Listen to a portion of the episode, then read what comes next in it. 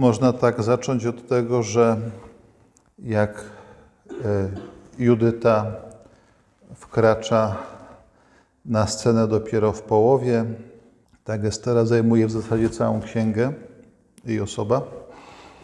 I tak jak Judyta koncentruje się na tych środkach ubogich, tak Estera jakby, księga Estery ujmuje rzecz z drugiej strony. Żeby patrzy na te sprawy, no powiedzmy w cudzysłowie bogate, tak na bogato.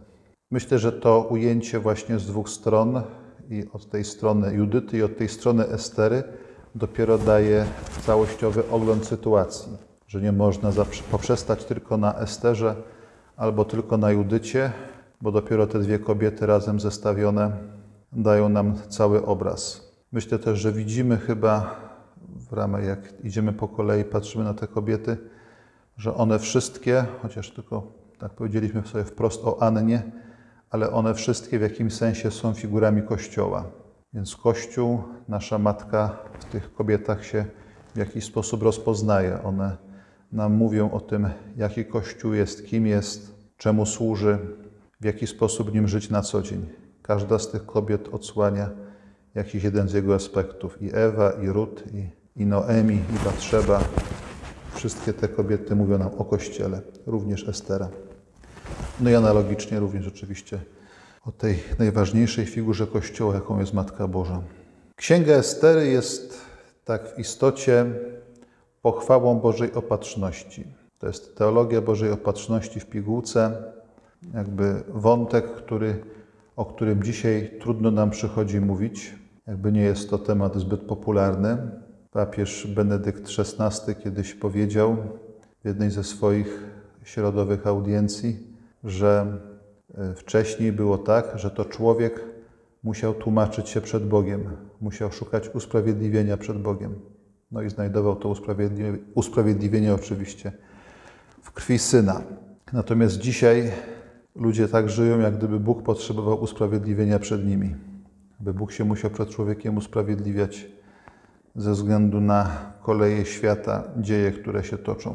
Estera jednak jest Właśnie powtórzmy to jeszcze raz tą pochwałą Bożej Opatrzności, księgą o Bożej Opatrzności, o tej prawdzie wiary, która nam mówi, że nic nie dzieje się bez dopuszczenia, bez dopustu Bożego.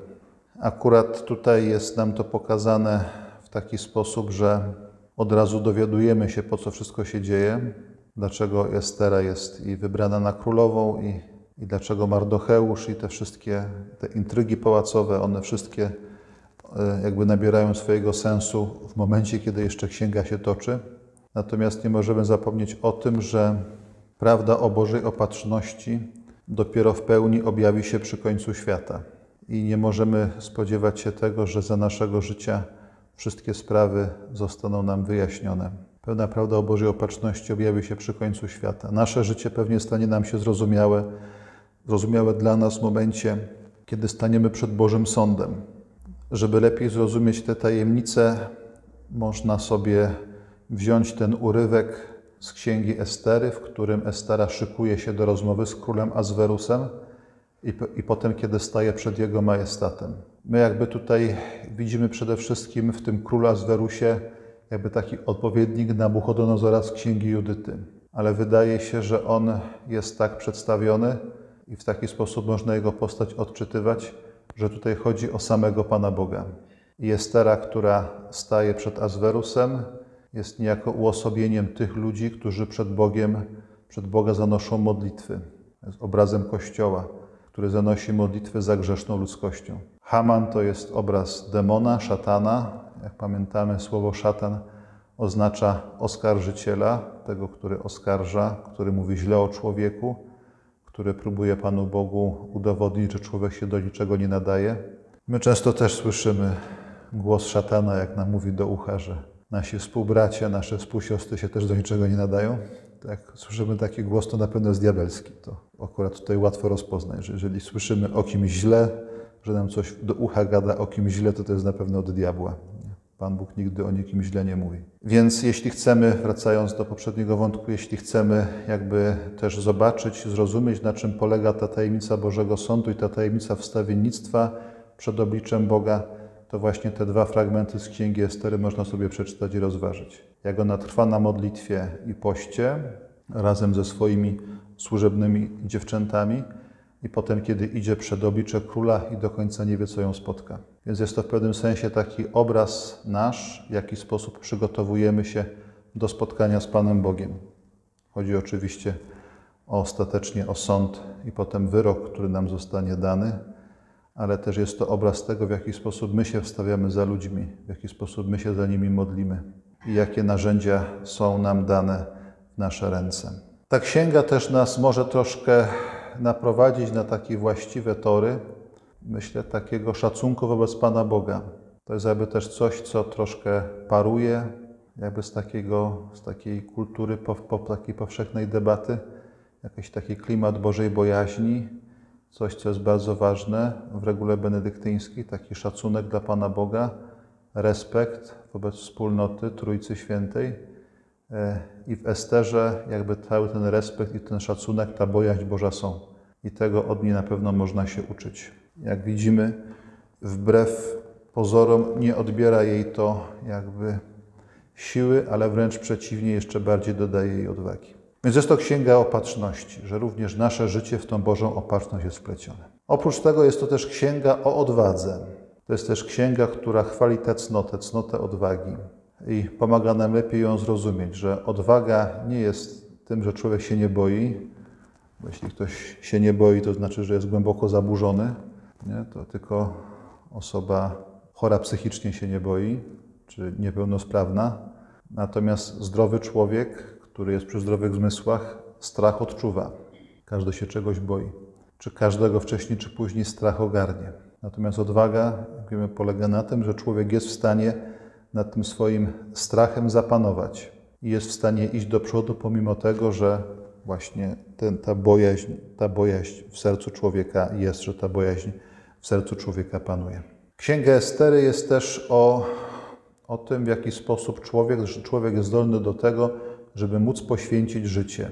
I Księga Estery mówi nam o tym, kiedy czytamy o Esterze, że tak naprawdę z czegoś takiego bierze się sens życia w ogóle, że odnajdujemy taką wartość, za którą warto oddać życie, albo której życie warto poświęcić. Kiedyś czytałem taki wywiad z jednym z francuskich pisarzy, który zastanawiał się nad tym, jak to się dzieje, że ludzie wyznający islam są w stanie e, popełniać takie ataki samobójcze, ataki terrorystyczne, a, a, a ludzie na Zachodzie bardzo boją się śmierci.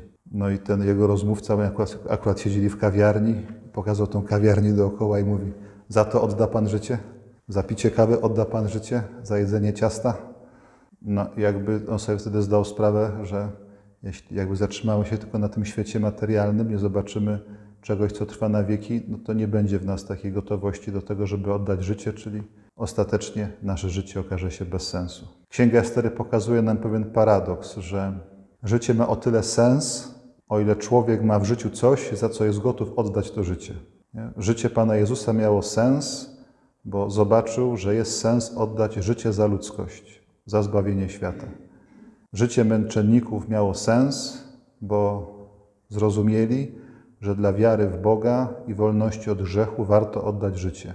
Życie naszych świętych ojców i matek miało sens, bo zrozumieli, że warto poświęcić życie bliźnim, czy warto oddać swoje życie być wiernym ślubom, które się złożyło. Jestera właśnie w taki sposób tak na to patrzy, nie? że to jest też taka księga, która nam mówi o wolności, że Estera pomimo tego, że no powiedzielibyśmy tak zwyczajnie w świecie robi karierę, jest kobietą, której się udało, no bo z takich nizin społecznych wędruje na samą górę i to w taki dosyć niespodziewany dla siebie sposób.